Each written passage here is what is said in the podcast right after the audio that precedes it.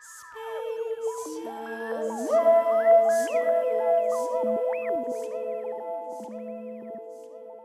kveld. Dette her er Solveig Speisa Musikk på Radio Rakel, din feministradio på FM 99,3. Jeg heter Solveig Sørbø og sitter her i dag med min gjest eh, Alexander Refsum Jensenius. Velkommen til deg. ja, eh, jeg kjenner jo deg, men det er det ikke alle som gjør. Så mm, kanskje du bare kort kan begynne å fortelle litt om deg selv? Mm. Jeg kaller meg jo selv for uh, musikkforsker og forskermusiker, og uh, jobber med ja, rar musikk på forskjellige måter. Eh, kropp og bevegelse. Jeg jobber på Universitetet i Oslo, hvor eh, jeg er vel ansatt som musikkteknolog, egentlig, så det er det som er, er tittelen min, professor i musikkteknologi. Eh, men jeg er også med på å lede et senter som heter Ritmo. Senter for eh, tverrfaglige studier av rytme, tid og bevegelse.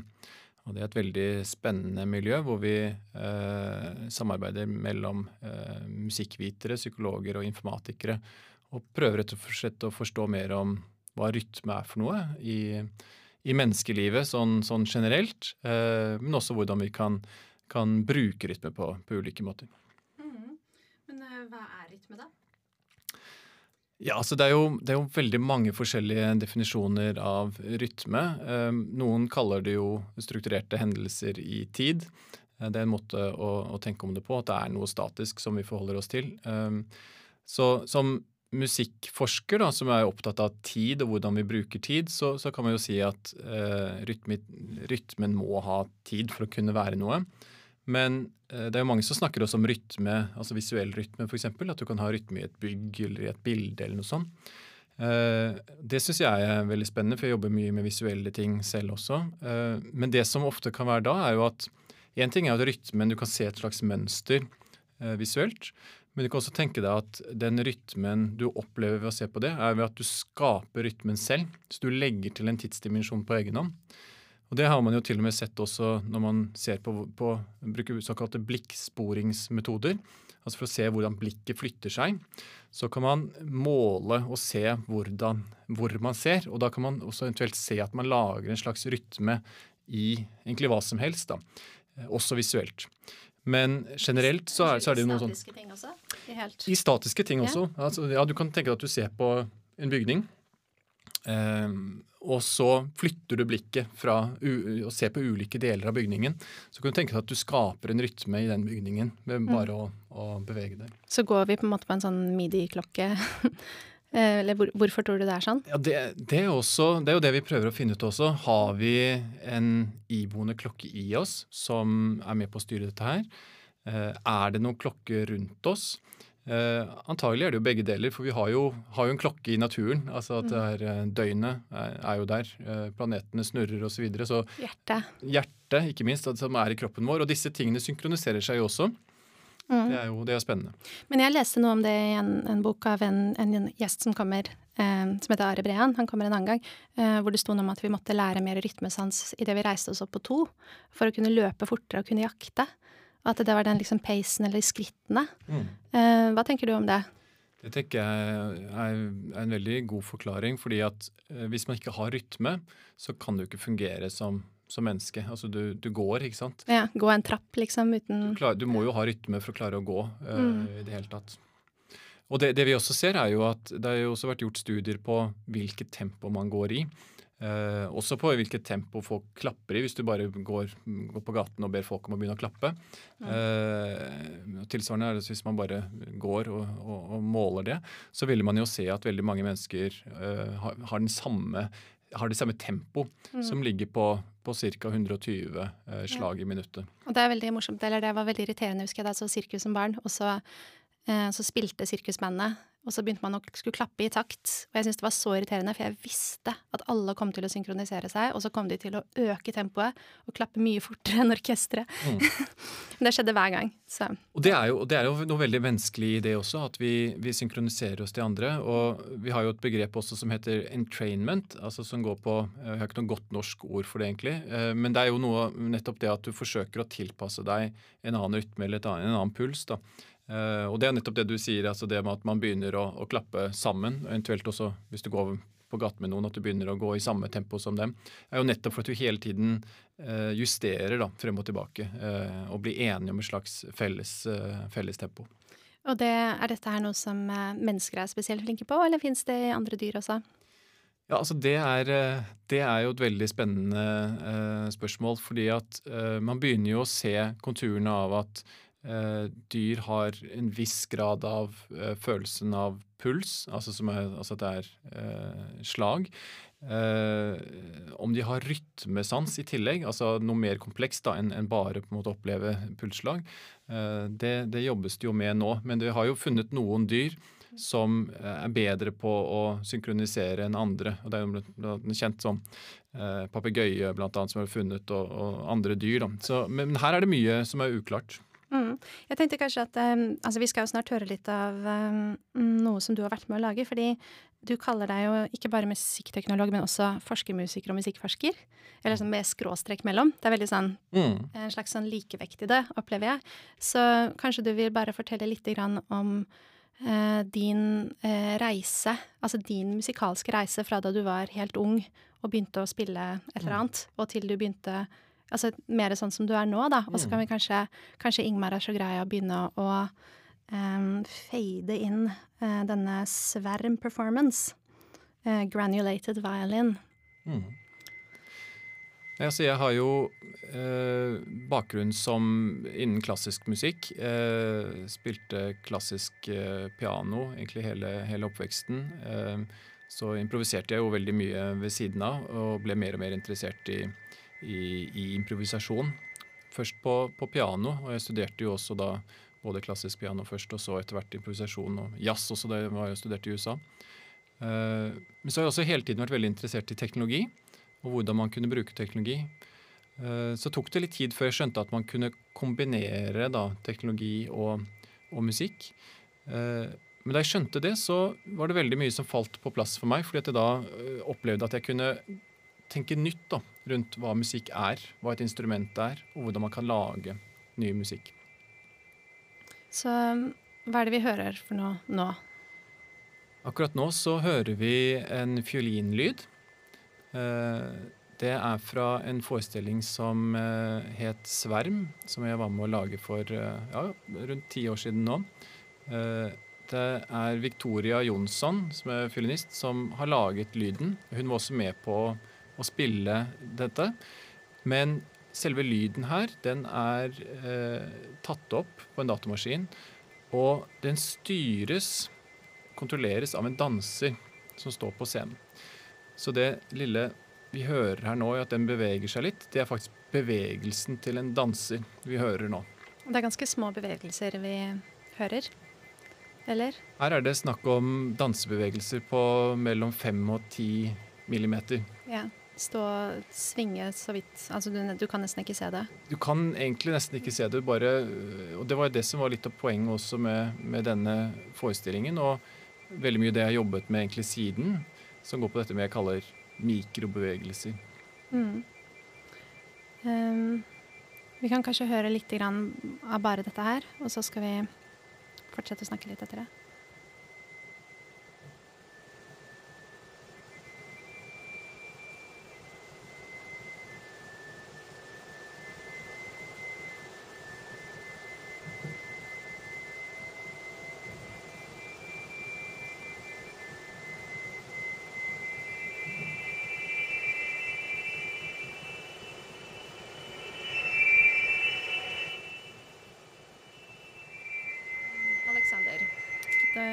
Det vi hører nå, er altså lyden av en fiolin. Altså det er spilt inn på forhånd, og så er det kontrollert gjennom mikrobevegelsene til én danser. Mm. Mm. Um, hva betyr det? Eller altså, hva er det som er um, hva, slags, hva, hva, betyr det for det å f.eks. spille et instrument, eller hva det er å Hva er et instrument, da? Mm. For det er du interessert i, tror jeg. Nei, altså det, det, som er veldig spennende både med dette, dette musikkeksempelet eh, og med liksom, konseptet rundt det, er jo å utforske egentlig hva det vil si å lage musikk. Eh, og eh, jeg kommer jo selv fra en, fra en tradisjonell musiseringstankegang hvor jeg spiller piano, hvor jeg, hvor jeg lager, lager, lyden. Og så, da jeg begynte å jobbe med, med teknologi, så ble jo jeg som veldig mange andre opptatt av å jobbe med syntese, eller altså synthesizer, som hvordan du kan lage musikk på den måten. Eh, eh, og i tillegg også opptatt av hvordan man kan ta opp lyd og bearbeide den. Altså Du jobber med den på datamaskinen og, og kan spille den av på forskjellige måter. Eh, etter hvert så har det jo også blitt eh, mer vanlig å jobbe med interaktiv musikk, altså gjøre dette live. Det var ikke det så mye da jeg begynte med disse tingene for 20 år siden, men nå Jeg ble jo veldig fort interessert i det interaktive elementet med å jobbe med musikkteknologi. Og det som jeg syntes var spennende, var jo at man kan gå inn og styre musikken. Eh, men det, ofte når man jobber med musikkteknologi, så, så, er man inne i det jeg kaller et sånt eh, knotte- og knappe-miljø, eh, hvor man har, har, dingser som du må trykke på og skru på. og sånn. Det, det, er veldig teknologifokusert, da, den musikkteknologien vi har rundt oss. og Hvis du går i butikken og kjøper noe musikkteknologi, så er det jo gjerne noen knapper og greier på det. Sånn at jeg, Veldig tidlig så ble det viktig for meg å si at jeg ønsket å lage instrumenter som eh, oppfylte noen visse kriterier. Og det skulle være blant annet, De skulle ikke være firkantede, de skulle ikke ha knotter og knapper. Eh, og de skulle på en måte ikke egentlig se ut som sånn standardteknologi i det hele tatt. Eh, så først så laget jeg noen instrumenter hvor jeg jobbet med det jeg kaller musikkballer, som egentlig var runde objekter som du kunne klemme på, eh, og som var veldig sånn jeg hadde ikke så mye penger da da jeg laget disse tingene. Og, og gikk egentlig bare og fant ulike objekter. Så jeg hadde hundeballer, og så puttet jeg inn ulike greier. Ødelagt mikrofonelementer som jeg puttet inn osv. Bare fant ut hvordan kan, jeg, hvordan kan jeg lage nye instrumenter med dette her. Og Det drev jeg med, med en stund, øh, og jobbet også med dansere, hvor danserne kunne bruke dette på ulike måter. Men så tenkte jeg etter hvert at hvorfor kan man ikke egentlig jobbe med kroppen som instrument istedenfor? Å bruke, bruke kroppen da, til å styre, styre musikken. Eh, og det har jeg egentlig jobbet med ved siden, da. Og den musikken vi hører her, er jo et eksempel på det, hvor jeg har tatt til det ekstreme. fordi etter å ha jobbet med da uh, litt større kroppsbevegelser en stund, uh, som man gjerne gjør når du jobber med dansere, så, så dansere er jo vant til å bevege seg relativt stort da, på en scene. Eh, så syns jeg det var veldig spennende å gå inn i det jeg kaller da mikrobevegelser. Eh, og dette var et samarbeid som jeg begynte sammen med en danser og koreograf som heter Karianne Bjerkestrand. Eh, og det startet egentlig rett og slett med at vi ble, var veldig, veldig fascinert over, over bitte små ting da, i, i kroppene våre. Mm. Og Karianne hadde jobbet med eh, langsom dans allerede da, og drev med tai chi og var opptatt av disse tingene. Og jeg egentlig var jeg var veldig opptatt av minimalisme i musikk, for jeg hadde studert det og vært opptatt av, av, av det fra et sånn rent musikalsk perspektiv. Men så var det nettopp det møtepunktet mellom dans og musikk da, som jeg, som jeg syntes var spennende å, å, å, utforske. For der en musiker og en danser kommer til egentlig, hvis du kan si at Musikken på en måte forener musikk musikk og danser på mange måter, fordi man utnytter det på ulike måter. Så, så syns jeg det var spennende å se hvordan kan man leke med konseptet danser, konseptet musiker, og egentlig også et instrument. da. Og I dette stykket som vi da eh, har hørt litt av, så var det nettopp det at hva med om en danser overtar egentlig da musiseringen til en musiker? Uh, så det vi hørte, var jo da hvordan danseren egentlig jobber med lyden til en musiker. Mens musikeren står på scenen, faktisk. sånn at Victoria sto jo på scenen med fiolinen sin. Uh, og hun spilte Vi tok jo opp lyden på begynnelsen, så vi, hun tok faktisk opp lyden uh, som så ble samplet og tatt inn i datamaskinen. Og så fortsatte på en måte sømløst danserne å utforske da, dette lydlige materialet, mens musikeren ble stående igjen og på en måte lytte til sin egen lyd. Da. Ja, hvordan, Vet du hvordan de opplevde det? Hvordan de syns det var? Ja, altså de, de, opplevde jo at dette var veldig spennende. Eh, veldig uvant og annerledes. Fordi en eh, danser er jo vanligvis eh, vant til å forholde seg til musikk. Altså som det, man danser til musikken. Eh, og en musiker selvfølgelig lager jo musikk gjerne da eventuelt til dans. Så det å bytte roller, egentlig, da, hvor begge to står på scenen, men hvor da musikeren egentlig blir stående og tenke på kroppen, hvordan man har en kropp som mm. beveger seg på scenen, mens danseren plutselig må forholde seg til å skulle lage lyd. Det blir på en måte å bytte om på rollene, mm. som, som, uh, som, de syns var veldig spennende også. Men vil du, vil du, si at alle sammen er opphavspersonene da? Altså det er ikke, eller hvordan, for det er, din rolle var da å tilrettelegge eller lage parametrene. Men hvem var det som bestemte hvilken tone som skulle spilles, og Mm. Altså, det blir jo litt sånt rart bilde av eh, det annerledes, da, med tanke på opphav også. Mm. Absolutt. Og her er jo øh, Ja, vi snakket jo litt om det. altså hvem er det, som- For eksempel, er jeg en komponist? Fordi at dette er liksom et konsept som jeg har kommet på. Eh, er jeg, jeg laget jo, utviklet jo i og for seg den teknologien og programvaren som brukes her også. Men, men jeg syns jo det er viktig egentlig å bryte ned de her eh, litt sånn klassiske skillene mellom du er en musiker, du er en danser, jeg er en komponist osv. Dette er jo et felles prosjekt hvor vi jobbet veldig tett sammen over lang tid. Og utviklet en hel forestilling sammen med ulike parametrene. Og jeg tror vi alle som var med på denne, dette Svein-prosjektet, opplevde at vi var, eh, vi var deltakere på ulike måter. Vi kom inn med våre forskjellige typer bakgrunner, eh, men vi kom ut igjen som et veldig, det var et veldig sånt fellesskap da, rundt det å lage det. Du har også et annet eh, svermstykke med deg som heter eh, skal vi se, Det heter Waving Signs. Skal vi begynne å ha på det litt i bakgrunnen også? Mm. Eh, kan du fortelle litt om det? Dette er jo et annet såkalt eh, stillstandsstykke. Eh, og eh, målet med Sverm-prosjektet var jo å utforske det jeg kaller da menneskelige mikrobevegelser. Eh, og mikrobevegelser, det, det, det har jeg definert på to måter. Man kan tenke det som et sånn kvantitativ definisjon, er at det er bevegelser som er mindre enn 10 mm per sekund i bevegelse. Eh, mer fra et sånn kvalitativt perspektiv kan man tenke på det som de minste bevegelsene vi kan produsere og eller oppfatte. Eh, og måten vi gikk inn i dette på, var å uh, stå stille, rett og slett. Og bare kjenne på hva det vil si å stå stille på gulvet uten å bevege seg. Vil du kalle det mikrobevegelse hvis du mener den bevegelsen også, eller må du faktisk prøve å stå stille for at det skal være mikrobevegelse? Det er vel akkurat det vi forsøkte egentlig å utforske i Sverige-prosjektet, var nettopp det å gå inn og, og, bare prøve å stå så stille som mulig.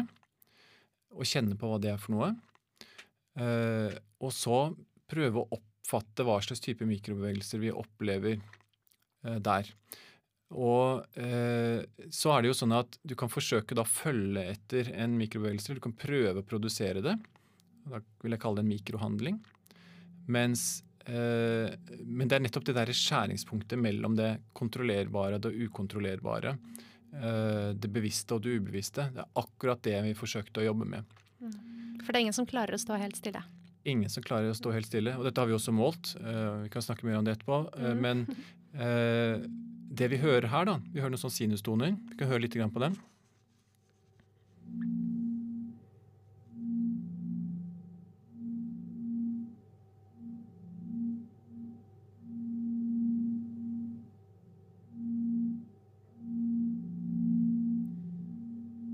Dette er altså lyden av tre utøvere som forsøker å stå stille. Det vi har gjort her, er at vi har koblet en lyd til hver person, så det er tre forskjellige toner vi hører, hvor hver person har en tone. De har også en sånn såkalt markør på hodet som vi kan registrere bevegelsen med, med veldig fin eh, oppløsning. Eh, og det jeg har gjort her, er å eh, lage en såkalt invertert kobling mellom bevegelse og lyd. Så det vil si at eh, man lager musikk ved å stå stille. Så hvis du beveger deg, så er det ikke noe lyd. Hvis du står stille, eller prøver å stå stille, så blir det gradvis litt mer lyd. Eh, så kan du også styre tonehøyden ved å bevege deg opp og ned, men hvis du beveger deg, så blir det jo stillhet. Eh, og det er ganske vanskelig å stå stille, og det er det vi egentlig hører på her nå. at her prøver utøveren å stå stille, så får du en liten lyd, og så får de det ikke til, og så faller de ut igjen. Og så er det det der spennet der mellom å gå inn og ut av stillstanden vi egentlig hører på. Jeg prøver å forestille meg hvordan det var hvis, jeg, hvis lyden kom ned så stille. Jeg tror nesten jeg hadde skvettet litt og, og rørt på meg. ja, og det var egentlig litt av poenget også, fordi at vi er og det, det, Dette jeg også syns er spennende med instrumenter, er jo at de fleste akustiske instrumenter i hvert fall er jo sånn at du tilfører energi til instrumentet, og så får du jo en lyd som uh, passer til energien som du la inn. Uh, og det er det jeg kaller en handling-lyd-kobling. Og for akustiske instrumenter så er dette styrt av fysikken uh, og egenskapene til lyden. Og, om du har en streng eller om du har hva du har, så må du lage lyd med. Mens i eh, det jeg kaller elektroakustiske instrumenter, enten om de er akust, altså analoge eller digitale, så er jo lyden produsert ved at vi skaper en kobling eh, som designes av noen. Eh, enten noen som jobber i et firma, eller av, oss som bygger instrumenter. Eh, og de, de da handling-lyd-mappingene, eller koblingene som vi har der, de kan være helt vilkårlige. Det ser vi masse eksempler på. Du kan trykke på en keyboard, så får du en fiolinlyd. Det er jo totalt uøkologisk hvis du tenker på det. Eh, du kan få et barneskrik, du kan få hva som helst. Ofte ganske dårlige koblinger mellom handling og lyd. Det er bare knapper, liksom. Det er bare knapper, ikke sant. Og det er, det er, ikke, noe, det er ikke noe sånn du får ikke noe kroppslig det er, noe, det er, ikke noe, kroppslig erfaring ved å trykke på en, en plastikknapp, og så får du en eller annen lyd som kommer mot deg. Eh, så jeg ønsker å utforske hva det vil si å, å faktisk å lage lyd eh, som, som, lyd, og ha kontroll over det. Ved å da invertere det og egentlig gjøre det motsatt. og egentlig gjøre, gjøre, det til en umulig oppgave. For det er kjempefrustrerende å skulle prøve å lage lyd hvor ikke gjør noe. ikke sant? Altså Det er jo motsatte. Men altså den der med altså koblingen mellom handling og mm, resultatet av handlingen, det er jo kanskje et større problem eller en større utfordring enn akkurat bare i musikken også. Altså jeg tenker på at de aller fleste ting nå fins f.eks. på en smarttelefon med en, en touchscreen. Mm. Um, og at um, skolebarn kanskje bruker det og nesten ikke noe blyant og papir. Altså du får veldig det er, det er en ja, frakobling, da, mellom, uh, mellom, det fysiske og ja, resultatet av det. Handling og resultat. Ja. Så det kan jo hende at vi trenger litt mer av den type verktøy, da, både innenfor musikk og innenfor andre ting. Jeg tror veldig mye av teknologien vi, vi, har nå med oss i dag, kommer vi til å se på og som å tenke tilbake på som om dette var en ganske håpløs tid, rett og slett. Kjedelig. Fra interaksjonsperspektiv. Og jeg håper vi så fort som mulig kan komme oss vekk fra skjermer og trykke på greier, og komme mm. tilbake til uh, å bruke hele kroppene våre og alle sansene våre uh, til fulle. da. Mm. Uh, jeg liker jo gjerne å si at fremtiden er analog, fordi at det er det digitale rundt oss er, er vel og bra, men, men vi, vi, vi, er tross alt mennesker av kjøtt og blod. og, og det er, det er, kroppene våre trenger noe annet for å virkelig klare å, å ha det godt, mener jeg. Ja, enig. Um, så vi har snakket litt om bevegelse og stillstand, og det kan du snakke lenge om. Um, vi, skal kanskje, vi skal snakke litt til om stillhet, og um, spesifikt et veldig berømt uh, stykke som heter 433 eh, av uh, John Cage. Hvorfor valgte du å ha med deg akkurat dette stykket? Altså, dette er jo et dette er et stykke som jeg uh, har et veldig nært forhold til. Uh, som jeg ble eksponert for uh, da jeg studerte i USA, og, og, har tenkt mye på etterpå. det er jo et stykke hvor utøveren går på scenen. Det er ofte en pianist, det var sånn det var opprinnelig. Det spilles på andre også, måter også. Setter pianisten seg ned, setter opp uh, notene, blar opp og gjør seg klar. Ja. Men det kan spilles på altså det kan spilles på hvilket som helst instrument. Um, og ja, jeg, jeg, tok rett og slett og spilte inn det selv hjemme i dag for å, for å, være sikker på at jeg har lov å bruke opptaket. for det kunne fort kosta mange tusen hvis jeg skulle bruke John Cates sitt eget opptak. Så jeg spilte inn selv av praktiske grunner. og Uh, vi kan jo sette det på nå, og så må nesten tekniker Ingmar si fra når det er ferdig. Og så skal vi snakke litt om det mens vi har det i bakgrunnen. Og jeg spilte det da på Jeg glemte vel nesten å ha et instrument. Jeg tror jeg bare Altså, jeg satte meg bare ned foran laptopen og ventet. Men det var en litt annen type venting enn vanlig venting. Fordi jeg tenkte det at for at dette skal være helt ærlig, uh, så må jeg i hvert fall ha på en måte intensjonaliteten på plass. At jeg sitter der og er litt fokusert på det. Um, ja, og det er vel egentlig bare laptop-susingen min man hører, og bitte litt annet støy fra rom og ting. Um, men det, og John Cage har jo flere ganger sagt at dette her er hans viktigste verk.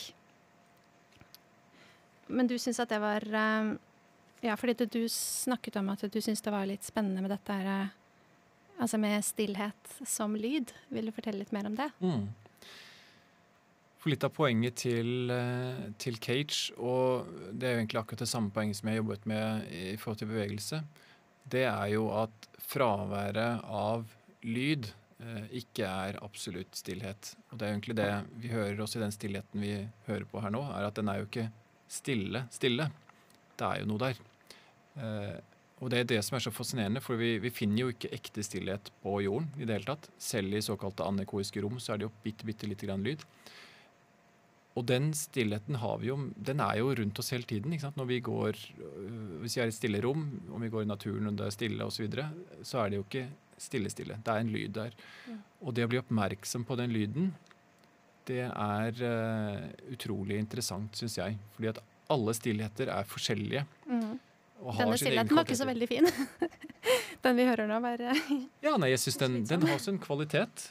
Uh, og, og, det er det som gjør det egentlig veldig interessant da, å, å, gå inn i stillheten. fordi at hvis du, går, hvis du, faktisk går inn i den og lytter på den, så åpner den seg for deg. Mm. Så at du går inn i den. Du kan, du kan, det, er, det, er, litt på samme måten sånn at du, hvis, du, hvis du ser på uh, ser på noe som også visuelt sett da, oppleves som ingenting, så vil du jo begynne å se ting også, når du går virkelig zoomer inn i det og går inn i detaljene. Og Det var det Cage også gjorde da, med dette, dette stykket som etter hvert har blitt veldig berømt. var jo nettopp at det ved å ha en musiker som går på scenen og setter seg til rette og bevisst spiller da et stillstandsstykke, eller stillhetsstykke, og ikke stillstand, eller sitt, sitt, sitt, mhm. sitt still, det var stillhet, så opplever man alle de lydene som faktisk er i rommet. da. Det blir veldig fokus på lytteren også. Mm. Eh, at det blir liksom selve lyttingen som er musikken. Og Det var jo det folk også opplevde som utrolig ubehagelig. Visstnok så gikk jo folk til og med ut av konsertsalen og, og syntes at dette var helt grusomt. De skjønte eh, tegninga. Altså Han satte jo en klokke på bordet. Ja. Eh, men, men, folk ble veldig provosert av det.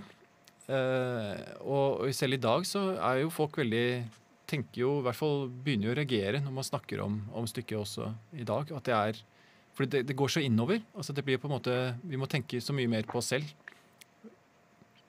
Men uh, det var jo et stykke som uh, ja, Det måtte jo lages. Noen måtte jo lage det. Mm. Det er jo kjempeviktig.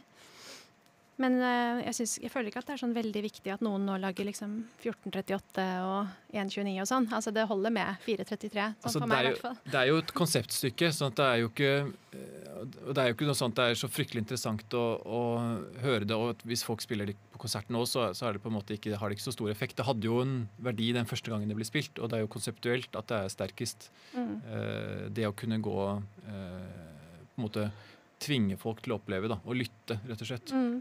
Men mye av den musikken dere holder på med på rytme også, har jo på en måte den Eller mye musikk som lages i dag, jeg kan heller begynne med der, da. Mye musikk som lages um, er viktig pga. konseptet. Det er ikke nødvendigvis musikken for musikkens egen skyld, uh, men det er noe, noe, annet der, da. Ja, der kom det en liten lyd. um, og så er det Ja, hvor lenge er det igjen av stykkene? Uh, ti sekunder. Ja. Da kan vi høre på slutten av det.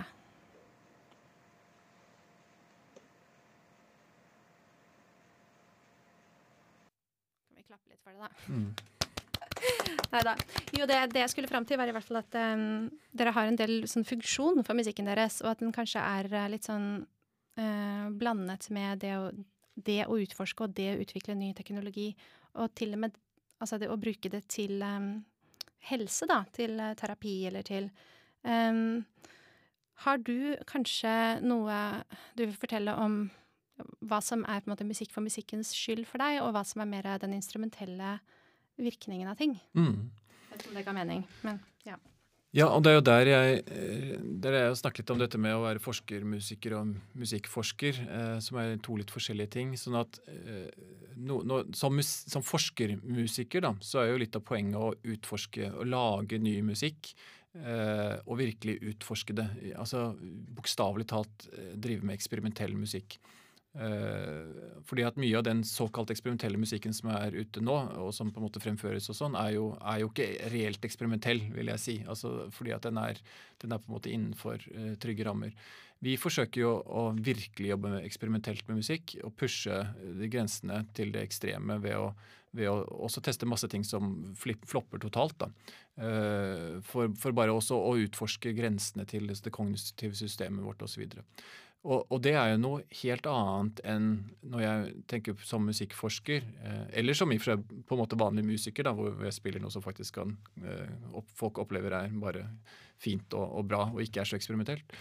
Eh, så er det jo mer det, måte det instrumentelle at du, du tenker at her, her, har musikken en funksjon, og musikken har mange funksjoner eh, i samfunnet i dag. Eh, den har, kan jo ha en rent musikalsk funksjon, at du faktisk går på konsert eller hører på det og har en på en måte Eller estetisk. Eller danser. Altså Da har den jo på en måte en, en estetisk eh, funksjon som, som, du gleder deg over. Eller det har mer på en måte også en sånn bakgrunnsfunksjon. altså Det er masse musikk som bare er i bakgrunnen, og som har det også som funksjon. Eller det kan være i brukes i terapi, hvor det faktisk har en sånn type funksjon. Da. Sånn at, eh, jeg er ikke så redd for å, å, si at musikk kan ha veldig mange forskjellige funksjoner, både samtidig og, og hver for seg. Mm. Uh, og du skal skrive nå en bok? Eh, ja, jeg holder på, på nå å, å, skrive en bok hvor jeg oppsummerer mye av, av det jeg har jobbet med i, i, i dette Sverm-prosjektet, og også som eh, i prosjektet jeg har jobbet med etter Sverm, hvor jeg har jobbet mer vitenskapelig på å se på eh, i hvilken grad musikk faktisk påvirker oss, da, kroppene våre og sinnet vårt. Eh, og der har vi jo også brukt stillstand som metode i den forskningen. Eh, så da gikk jeg egentlig over fra altså I Svein-prosjektet, det, det, vi hørte på i begynnelsen, så var det jo eh, mye fokus på altså Det var jo et kunstnerisk, var kunstnerisk forskningsprosjekt til å begynne med, med, med et kunstnerisk mål. Vi brukte også kunstneriske metoder, men vi brukte også noen vitenskapelige metoder.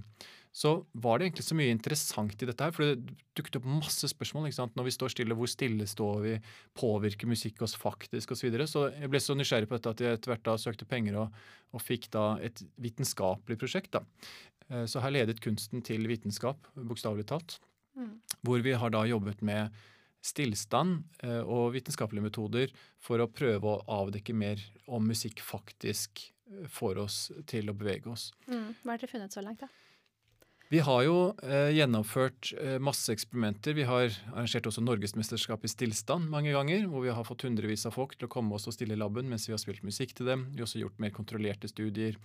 Eh, og konklusjonen så langt er vel at musikk eh, faktisk beveger oss litt, selv om vi forsøker å ikke bevege oss. Mm. Det kan man jo si, Hvorfor skal man bruke så mye tid og krefter på å finne ut av det? Det er noe hvem som helst kunne ha sagt på forhånd. Men faktisk, det er ingen som har vist at musikk faktisk beveger oss før. Det har vært noe man har påstått. Eh, man snakket om dansefot og alle disse tingene. og eh, man har hatt en mening om det, men jobben som når vi tenker vitenskap, så er jo målet faktisk å bevise det, og, og, faktisk ha belegg for det vi sier. Det er masse påstander som ikke har vitenskapelig belegg. Mm. Eh, og, men vi har jo nå funnet ut at i hvert fall noen typer musikk faktisk får oss til å bevege oss, selv når vi forsøker oss å stille. Mm. Men ikke alle typer musikk. Ja, Hvilke typer musikk er det som får oss til å røre mest på oss, da? Altså, det er jo, eh, og igjen kanskje ikke noen stor overraskelse, at det er, det er dansemusikk som eh, får oss til å bevege oss mest. Uh, og vi har utforsket litt forskjellige typer dansemusikk, men mest uh, elektronisk dansemusikk. Uh, antagelig andre også. mens andre typer musikk, som vi kanskje kunne trodd også, altså vanlig popmusikk f.eks. også, som går i på en måte omtrent samme tempo og sånn, har ikke hatt like stor effekt. Vi har ikke klart å avdekke og forklare hvorfor enda. Det er på en måte neste spørsmål, men vi har i hvert fall avdekket at, det, at folk faktisk beveger seg mer. da går mye på rytme, ikke sant? Det er, for det er deres store greie. Men hva med sånn ja, melodi og dynamikk? Mm. Hvor, hvor, mye spiller det inn? Rytme har jo selvfølgelig pekt seg ut, og det er også lettere å forklare. For det, det er koblet til det vi snakket om i begynnelsen, altså dette med pusten og pulsen vår og, og de resonansene som, som går i kroppen vår. Eh, vi har ikke klart å finne noe eh, spesifikt i forhold til f.eks. For melodi eh, enda. Eh, men vi har heller ikke utforsket det så mye, for vi har primært zoomet inn på, på rytme, for det var det vi fant de, de, mest tydelige funnene. Men det blir veldig interessant nå også å gå videre og se mer på også uh, melodi, uh, tonalitet opp og ned. Uh, også se på hvordan man bruker romligheten. Det er altså et, et, parameter som er veldig lite studert egentlig i, i musikkvitenskapen. Altså hvordan, altså det vi kaller panning, altså at lyden går mellom f.eks. venstre og høyre. Uh, og, altså, eller eventuelt mer rundt oss i rommet også. den, den parameteren er lite forstått, egentlig, eh, i, i, musikkforskningen, og hvordan den påvirker oss også. Og Der tror jeg også det er noe å hente. Så det er, det er veldig mye mer. Og det er det vi egentlig ser nå, at den forskningen vi har gjort nå, som jeg trodde opprinnelig bare var et bitte lite spørsmål som vi skulle liksom bare gjøre noe på og bli ferdig med. Nå har jeg snart holdt på i ti år med disse tingene her, og det bare dukker stadig opp nye ting. For var det jo en stipendiat av meg, eh, Agata Selitsjovska, nå, som nettopp var ferdig med doktorgraden sin. Hun stilte jo også da spørsmål ved om er det noe forskjell på om man lytter med hodetelefoner eller høyttalere. Det er jo et veldig enkelt spørsmål, men eh, det er ikke et så enkelt svar. Selv om vi har gjennom kontrollerte studier sett at folk faktisk beveger seg mer når de lytter til musikk med hodetelefoner enn med høyttalere. I tillegg kan man spørre seg er det forskjeller mellom folk, altså individuelle forskjeller. Og det har også Agatha funnet at ja, de som har scorer høyere på, på, empati, beveger seg litt mer enn andre. Så det er mange, veldig mange forskjellige ting vi har funnet. Vi har ikke klart å forklare hvorfor ennå. Så det det er, her er det åpner seg stadig nye forskningsspørsmål i absolutt alle retninger. Dette skal jeg snakke mer med Agatha om i en annen sending, faktisk. Så det gleder jeg meg også veldig til. Um, vi skal begynne å høre litt på et annet stykke uh, som du har med deg, som da er fra en installasjon uh, i Botanisk hage. Self-playing guitars. Um, som var under en sånn livsvitenskapsarrangement. Um, vi kan jo kanskje begynne å, å få det inn eh, på øret her.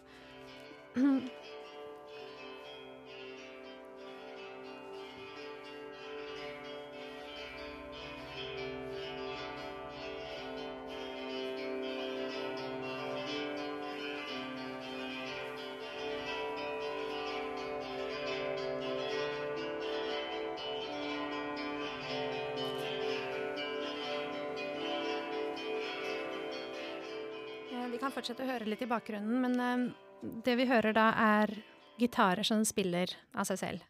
Uh, var det ikke litt mer? Vi kan gjerne høre litt den i bakgrunnen. Den er ganske kort, tror jeg. Var den så kort, ja? Mm. Ok. Jeg trodde den var sånn kjempelang. Syntes den var sånn deilig bakgrunnsmusikk. Men, um, for den var, veldig, den var litt sånn avslappende. Men kanskje du kan fortelle litt mer om hvordan dere lagde dette her, da? Mm. Dette her er jo eh, en videreføring egentlig da av, av de tingene jeg jobbet med i Cern-prosjektet, og som jeg har tatt, eh, tatt inn i, i, en måte å tenke mer om instrumenter igjen. Eh, for jeg sa jo det at jeg var jo blitt veldig opptatt av hvordan man kan bruke kroppen til å, å styre musikk og spille med det. Men så ble jeg også på et eller annet tidspunkt så ble jeg litt lei av å, å, at lyden hele tiden kom ut av høyttalere et eller annet sted. Eh, for det er jo veldig mye sånn at, at uh, musikk spilles over I hvert fall i en konsertsammenheng sånn, så spilles det gjerne over store PA-høyttalere ved en scene. Og ofte et godt stykke unna musikerne også. Så det er, det er faktisk en fysisk, ganske stor fysisk avstand mellom, mellom de som spiller og, og, og lyden man hører. Uh, og det gjorde at jeg har blitt mer interessert i, i resonnerende objekter, og hvordan man kan bygge egentlig en egentlig bygge en høyttaler, rett og slett. da. Så eh, av praktiske årsaker så endte jeg opp med da å, å kjøpe inn en liten haug med gitarer, relativt billige gitarer fra Claes Olsson, eh, og, og, koble på eh, det vi kaller en aktuator, som egentlig bare er et vibrerende element. Uh, og ved å gjøre det, så har vi rett og slett da bygget om gitaren til å bli en liten høyttaler. Så den resonnerer, rett og slett. Og det fine med det er at da får du jo en Da får du jo et, et, en et fysisk objekt som faktisk lager lyd. Da. Så, da kan vi, da, så da det, disse gitarene er egentlig bare en høyttaler hvor du kan spille da, lyd inn i den. Og eh, Det vi hørte her, var digitalt produsert lyd fra en liten datamaskin som spilte da lyd inn i, inn i en gitar. Og eh, Det spennende med dette er jo at du får eh, denne gitaren da som, som, vibrerer. Det er også pussig, for at du, er, du, får en slags sånn gitaraktig lyd som kommer ut av en gitar. Eh, men men øh, den, den, det er jo ikke en gitar du spiller heller, så det, er på en måte, det, det, blir en litt sånn rar Men det er resonansen fra den som får det til Det er resonansen som får det til, til å lage lyd. Ja. Og så, med tanke på interaksjonen, da, så brukte jeg egentlig da det samme konseptet som, eh, som vi hadde utviklet til Sverm, hvor vi da eh, prøvde å bruke, eh, å bruke folk til å styre det. Uh, I det tilfellet vi hørte her nå, så uh, var dette en installasjon hvor, hvor, gitarene hang for seg selv. De hang i fiskesnører så at de snurret rundt. Og de hadde også en, en sensor, to, liksom to øyne som så på det som skjedde rundt dem. Uh, så at den pulsen vi hørte, var egentlig styrt av menneskene som gikk rundt gitarene. Eller at gitarene bare så hverandre, for de så på det som var rundt dem. Og, og styrte da tempo og i og for seg også lyden etter det. Uh, og da er vi tilbake til dette konseptet om entrainment som vi snakket om, altså synkronisering, hvor noe av tanken var at, at gitarene også lytter. De ser det som er rundt seg, og de lytter også til det som er rundt dem. Og forsøker hele tiden å tilpasse seg til det som skjer rundt dem. Men Er det resonanskassen som, som lytter, da? Og de, de, sensorene som ser, eller hvordan er det? Uh, det, er, det, sitter en mikrofon også på gitarene som lytter til det som skjer rundt. Og så er det da eh, to øyne som en sensor, eh, sensor som ser på det som er rundt. Eh, og så er gitarene programmert til å synkronisere helt perfekt. Så hvis man bare setter gitarene helt bare på stativet siden av hverandre, så vil de egentlig bare lage en puls, jevn puls da, da, da, med samme, samme, tone og samme frekvens. Mm. Men fordi de hele tiden er i bevegelse, så kommer de hele tiden ut De blir forvirret, da, for å si det sånn. Mm. Uh, og det, uh, det, er jo det som gjør denne installasjonen fascinerende også, er at folk kommer inn, og, det, og folk er komplekse, beveger seg rundt osv. Gitarene beveger seg. Og den kompleksiteten, da, er egentlig det vi hører på, som jeg syns er vakkert. da. Så denne, denne gitarinstallasjonen har vi hatt i forskjellige varianter nå. Skal vi høre litt på den andre? Du har med en til. Vi kan kanskje høre litt på den mens du snakker. Ja. Den som er fra um, i, tam, da, Tampere? Nei, mm. jo, i Tampere. Self-playing guitars, den også. Kan vi få på den? Um, ja, fordi at du var, du var, litt inne på det sånn før vi begynte sendinga her, så sa du jo at du syns uh, musikk uh, som en aktivitet eh, er mer interessant da enn musikk som objekt. Um, kan du fortelle litt mer om det? Altså gjøre versus det å være? Mm. Det er jo eh, Når folk spør meg om jeg har noe av musikken min på, på, Spotify, eller om de kan uh, høre på det et eller annet sted, så må jeg egentlig skuffe dem. Og det er fordi at veldig lite av min musikk er på en måte ferdig pakket hermetisk inn og tilgjengelig noe sted. Og det er jo nettopp fordi at jeg er jo opptatt av hvordan vi kan hvor jeg kan lage musikk som, som, folk faktisk kan oppleve selv da, i egen kropp. Og, og, være, påvirke. og påvirke og være engasjert i. Og det er jo, eh, Dette kommer jo tilbake til konseptet musicking, som ble introdusert av, av Christopher Small. Som egentlig dreier seg om å, eh, å at istedenfor å tenke deg at musikk er et objekt, så er det noe du gjør. Du mus, musiserer, musikerer kanskje, eh, og er delaktig i det. Og det hører vi også her nå. Nå hører vi gitaren her. Dette er jo da fra en konsert vi gjorde i Tampere. Og her spiller vi jo faktisk. Altså vi er seks utøvere som har hver vår selvspillende gitar. Som vi holder i hendene. Eh, og som vi går rundt med på scenen. Vi kan jo høre litt på det. Mm.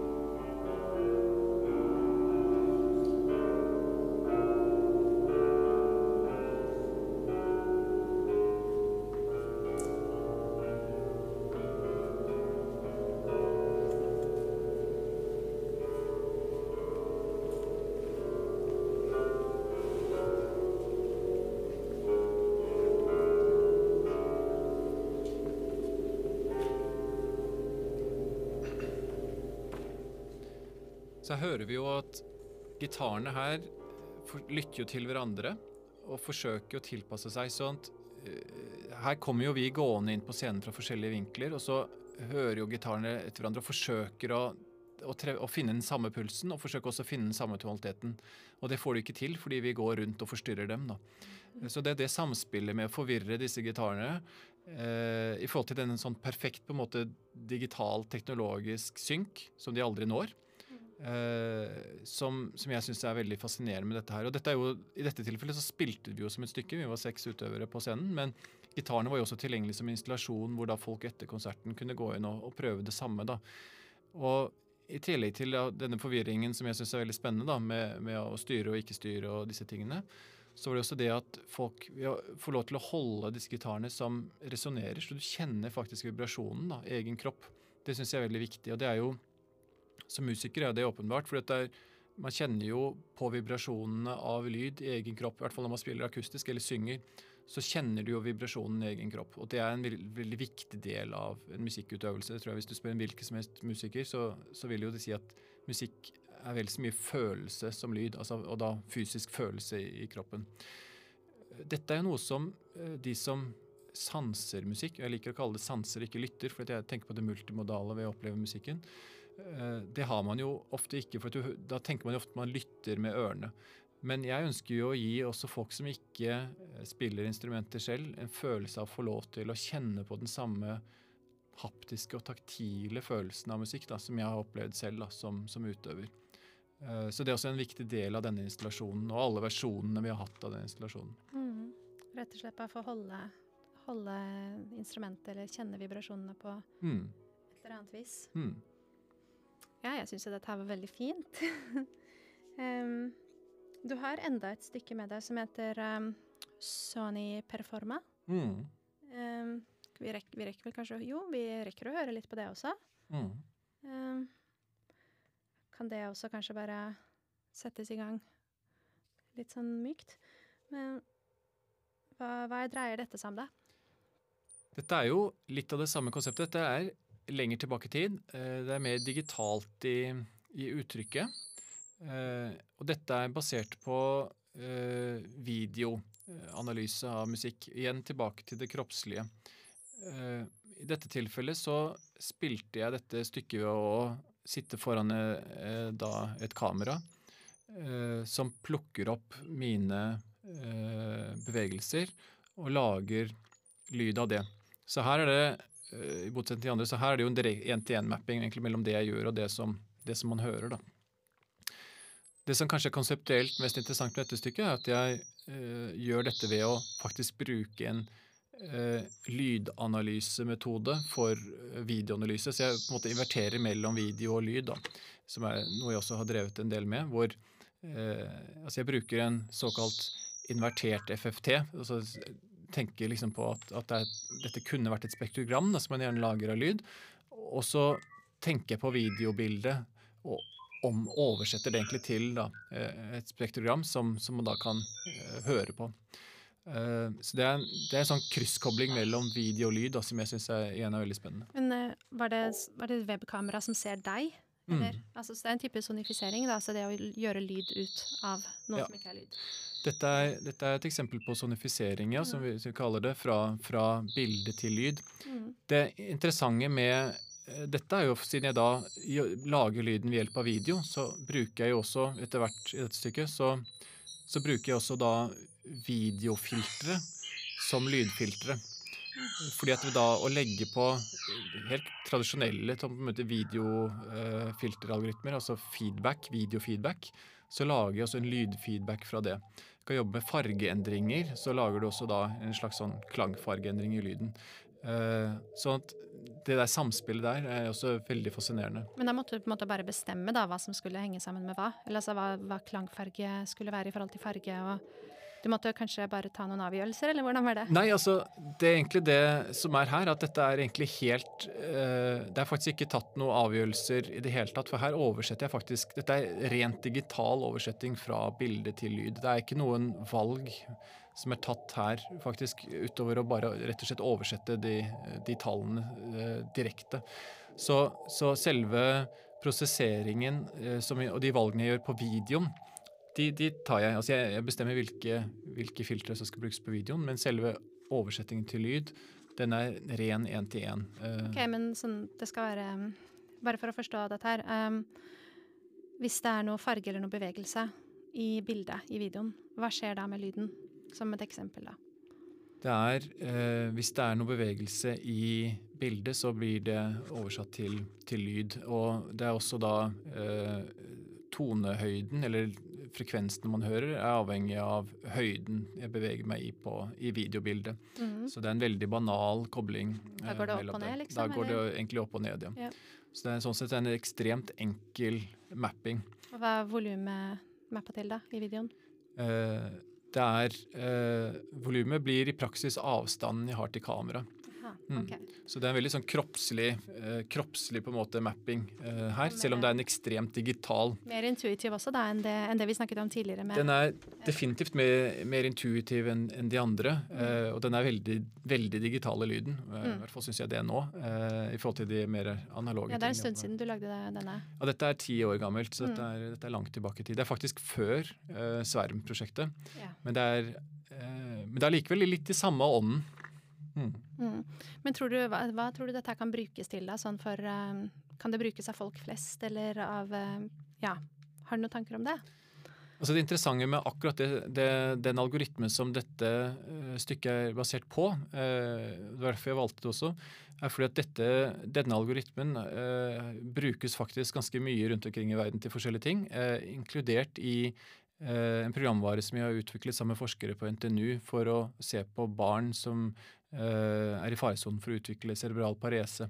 Eh, hvor noe av tanken har vært å, å, å se på om det er mulig å, eh, å detektere dette ved en tidlig, tidlig alder. Ved å, mm, for tidlig diagnose er veldig viktig. For tidlig kunne diagnostisere uh, cerebral parese.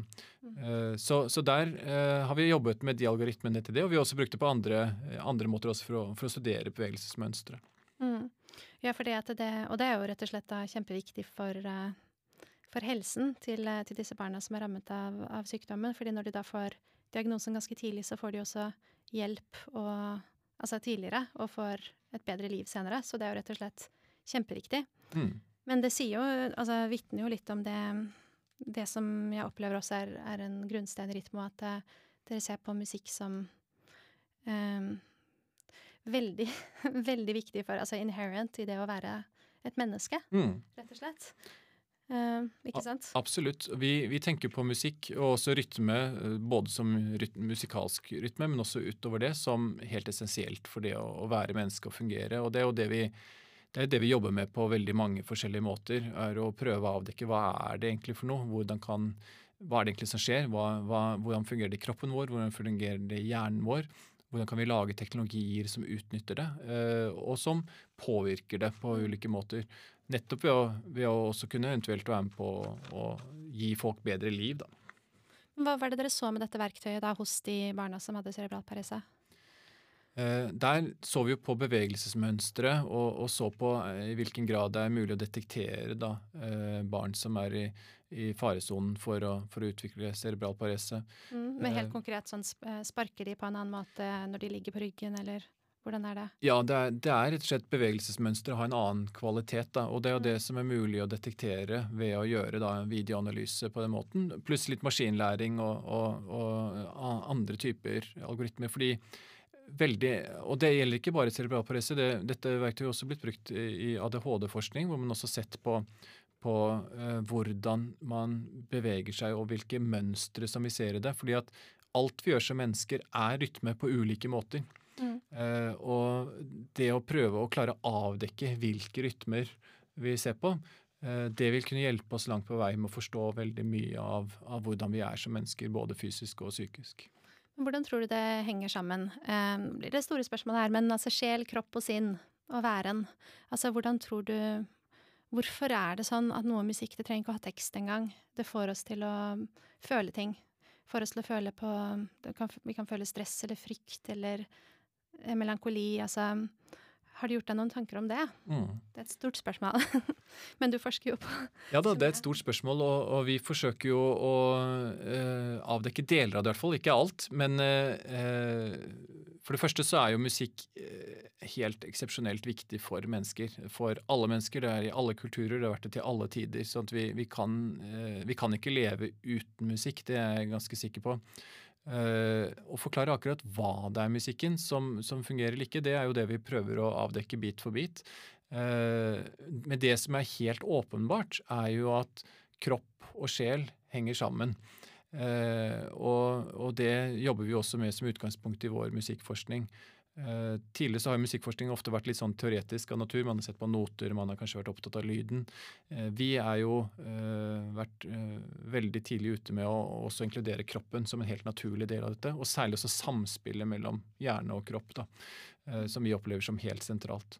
Men det er jo masse ting vi ikke forstår, og særlig også alle de individuelle forskjellene. For det er jo noen ting som kanskje er mer ja, universelt alltid vanskelig å si når man snakker om sånne ting, men altså sånn som dette med grunnfrekvenser og sånn er jo noe som er veldig kroppslig. Men, Hva er det da? Eh, sånn som dette med, med at vi, vi, har et bevegelsesmønster som er rundt 120 slag i minuttet. Det er en del sånne ting som går i kroppene våre. og Det er noen, det er noen sånn fysiologiske også rammer rundt musikken som, som, er med på å styre, men veldig mye også er jo også personlige forskjeller, rett og slett. da. På andre siden, det er veldig mange mennesker som liker den samme musikken, og som røres av den samme musikken på ulike måter. Så det er jo noe åpenbart noe der også som treffer oss, da. Mm. Men du kan merke det på kroppen når du gjør ulike målinger, da. Hva, litt om hva folk uh, føler helt fysisk. Mm. Og Det er jo det vi gjør. og vi, På Ritmo så jobber vi også med veldig mange forskjellige metoder for å avdekke ulike deler av dette. Mm. Alt fra da bevegelsesmålinger til øyemålinger, muskelspenning, til også hjernemålinger da, eh, på ulike måter. Mm. Er det bølgelengder? Er det forskjell i det, eller? Eh, ja, det, det, jobbes det jo også med ja, på, på, i forhold til, til hjerne, hjernemålinger. Mm. Jeg lurer litt på, vi, vi, skal også ha tid til å spille et stykke til, men nå har jeg glemt å skrive ned hvor langt det er. Omines.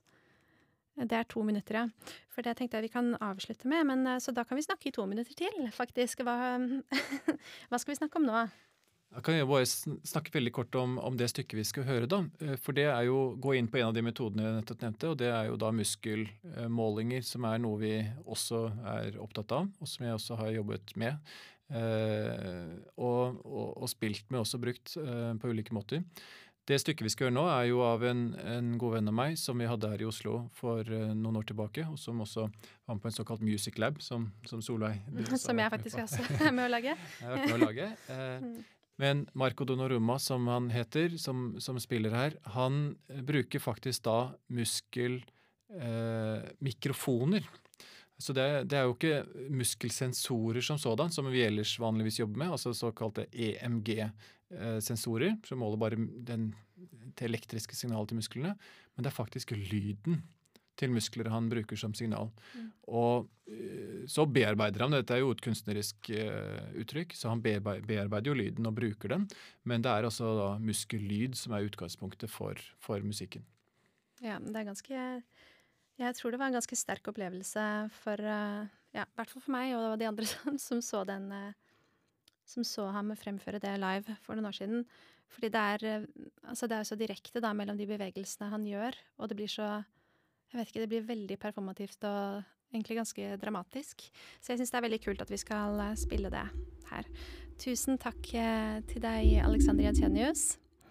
Eh, det var utrolig fint å få ha deg her på besøk i Solveig Speisa Musikk. Og nå hører vi altså Marco Donnarumma som fremfører Amines. Takk til deg, Alexander. Tusen takk.